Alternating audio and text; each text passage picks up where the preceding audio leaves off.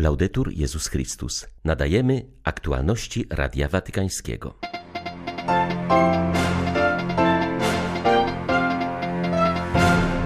Papież ustalił tematy najbliższych Światowych Dni Młodzieży. Mają one przygotować młodych do roku jubileuszowego 2025.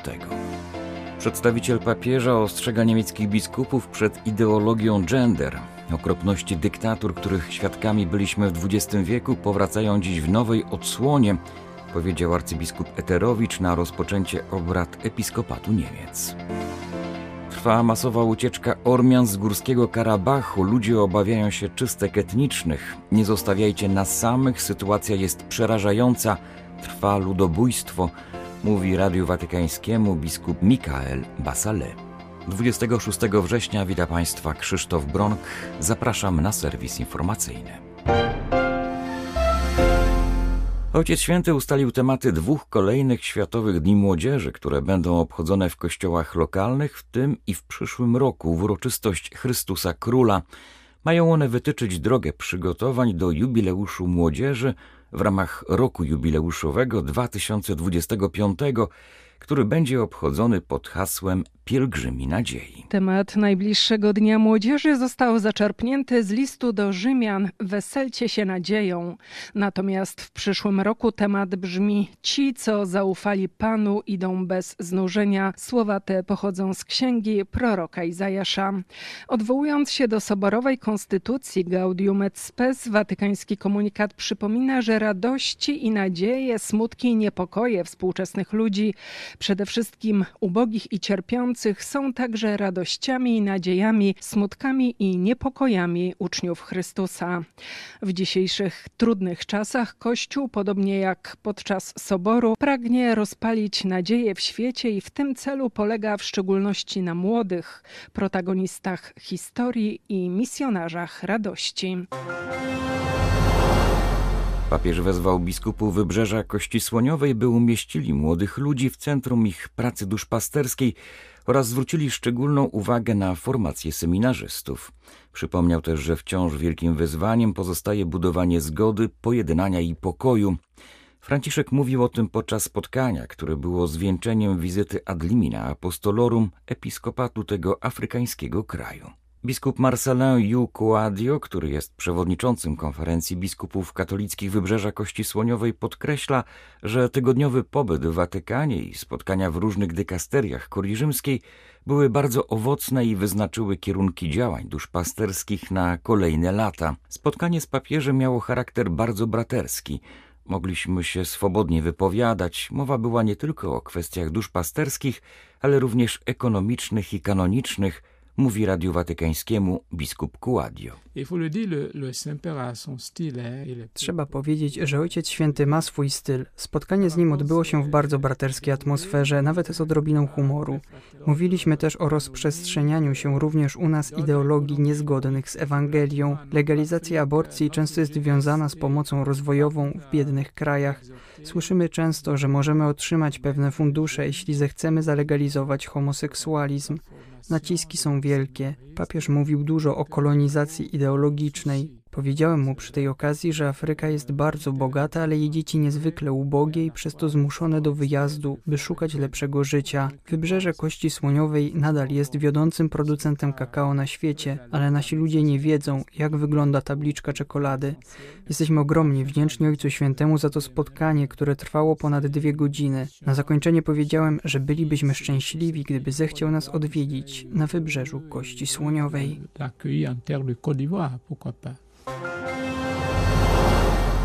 W niektórych kręgach kościoła zapomniano o chrześcijańskiej antropologii, dominuje w nich natomiast obraz człowieka i natury, który oddala się od tego, co mówi Biblia i nauczanie kościoła, a nawet mu zaprzecza. Mówił przedstawiciel papieża na otwarcie jesiennej sesji episkopatu Niemiec. Nuncjusz w Berlinie w całości poświęcił swe wystąpienie na przypomnienie niemieckim biskupom tego, co Kościół, opierając się na Słowie Bożym, naucza na temat człowieka jako mężczyzny i kobiety. Arcybiskup Nikola Eterowicz przypomniał, że podstawą chrześcijańskiej antropologii są pierwsze słowa Pisma Świętego, w których ukazana została Boża wola względem człowieka, stworzonego jako mężczyzna i kobieta oraz pobłogosławionego przez Stwórcę, aby był płodny i zaludniał ziemię. Tę pierwotną wizję człowieka w pełni potwierdził też Chrystus.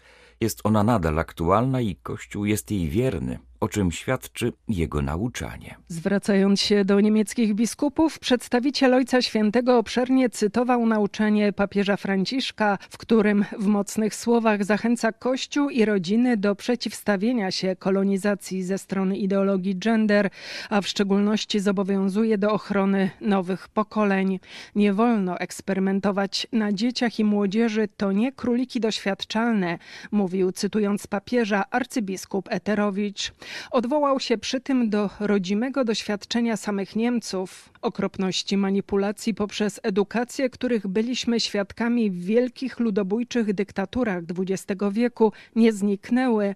Są one nadal obecne w innych odsłonach i propozycjach, które pod pozorem nowoczesności zmuszają dzieci i młodzież do podążania dyktatorską ścieżką jednolitego myślenia, mówił, cytując dalej Franciszka, papieski dyplomata.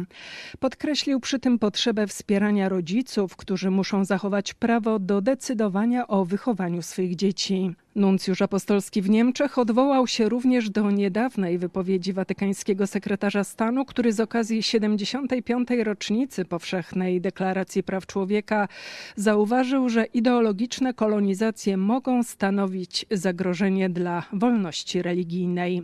Z jednej strony mówił cytowany przez arcybiskupa Eterowicza kardynał Pietro Parolin, widzimy ciągłe ataki na miejsca kultu i gesty podważające wolność religijną, prześladowania które mają miejsce na świecie, a z drugiej strony próby odbierania głosu w debacie publicznej.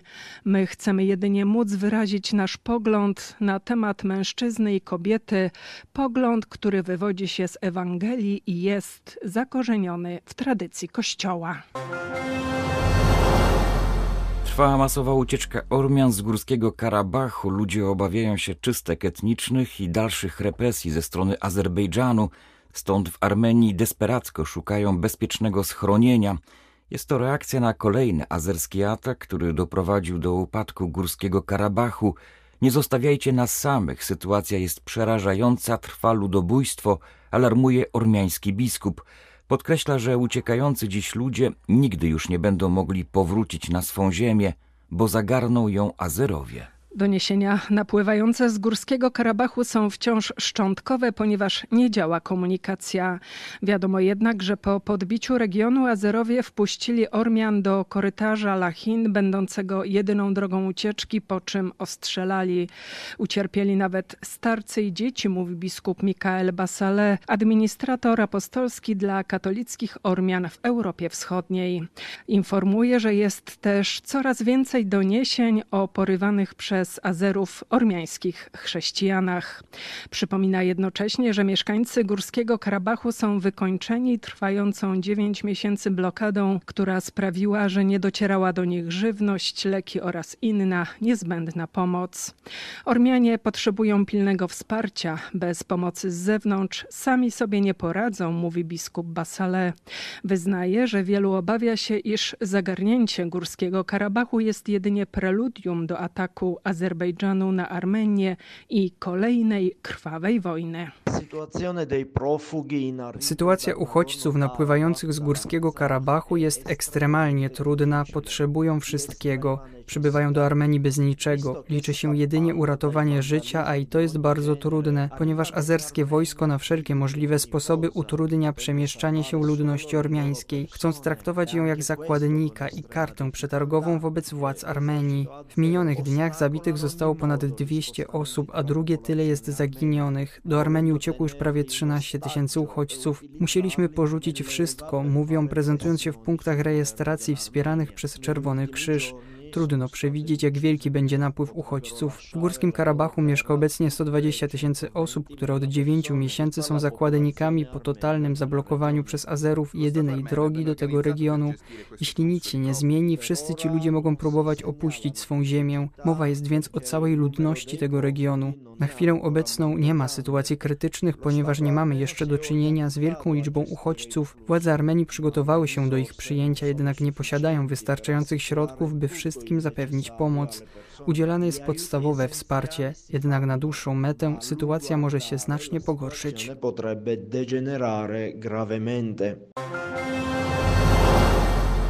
Musimy być wspólnotą, w której nie będzie lęku przed przyznaniem się do naszych uchybień, po to byśmy mogli się poprawić, mówi kardynał Sean O'Malley, przewodniczący papieskiej komisji do spraw ochrony nieletnich.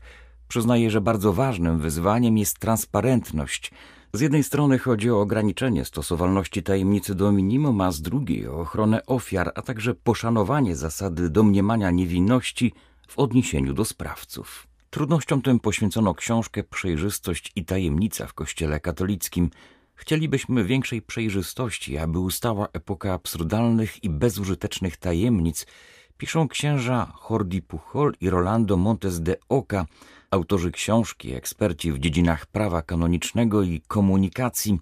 Dodają, że w kwestii postępowań związanych z nadużyciami nie może być mowy o pełnej jawności, to bowiem mogłoby zranić ofiary i wpłynąć na ich życie prywatne.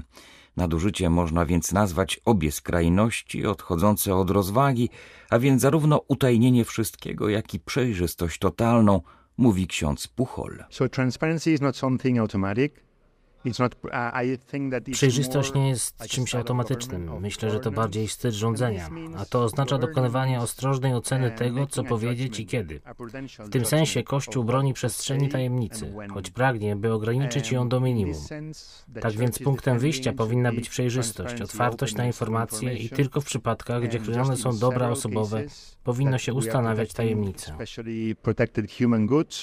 Then we establish their secrecy for that. Kardynał Szonomalej dodaje natomiast, że temat przejrzystości ma wielką wagę dla Kościoła. Dzisiaj mówimy bardzo dużo o przejrzystości, znaczeniu mówienia prawdy i pomagania ludziom w zrozumieniu, jaka jest prawdziwa sytuacja. Jeśli nie będziemy przejrzyści, nigdy nie zasłużymy na zaufanie naszych ludzi i nigdy nie będziemy w stanie naprawdę poradzić sobie z tym strasznym kryzysem i złem w naszym kościele i społeczeństwie, jakim jest wykorzystywanie seksualne. W Warszawie zaprezentowano raport Kościół w Polsce 2023. Przygotowany przez Katolicką Agencję Informacyjną ukazuje pracę Kościoła zarówno w sferze duszpasterskiej, na polu ewangelizacji oraz w dziedzinie charytatywnej i społecznej.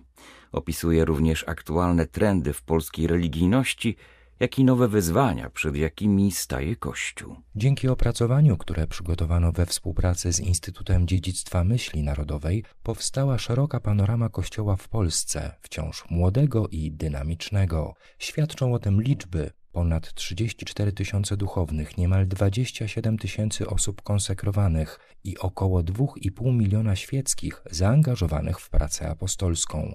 Raport, jak mówi Marcin Przeciszewski, prezes KAI, ukazuje też problemy i wyzwania, przed jakimi stoi Kościół w Polsce. Mamy dużą różnicę, jeżeli chodzi o praktyki religijne, któremu wciąż jest wierne starsze pokolenie i młode pokolenie, które jest przepołowione niejako na pół tych wierzących i tych oddalających się od Kościoła. Na ponad 250 stronach raportu znajdziemy m.in. dane dotyczące pomocy charytatywnej, powołań i działalności duszpasterskiej, ale też wkładu Kościoła w ochronę dóbr kultury i edukację.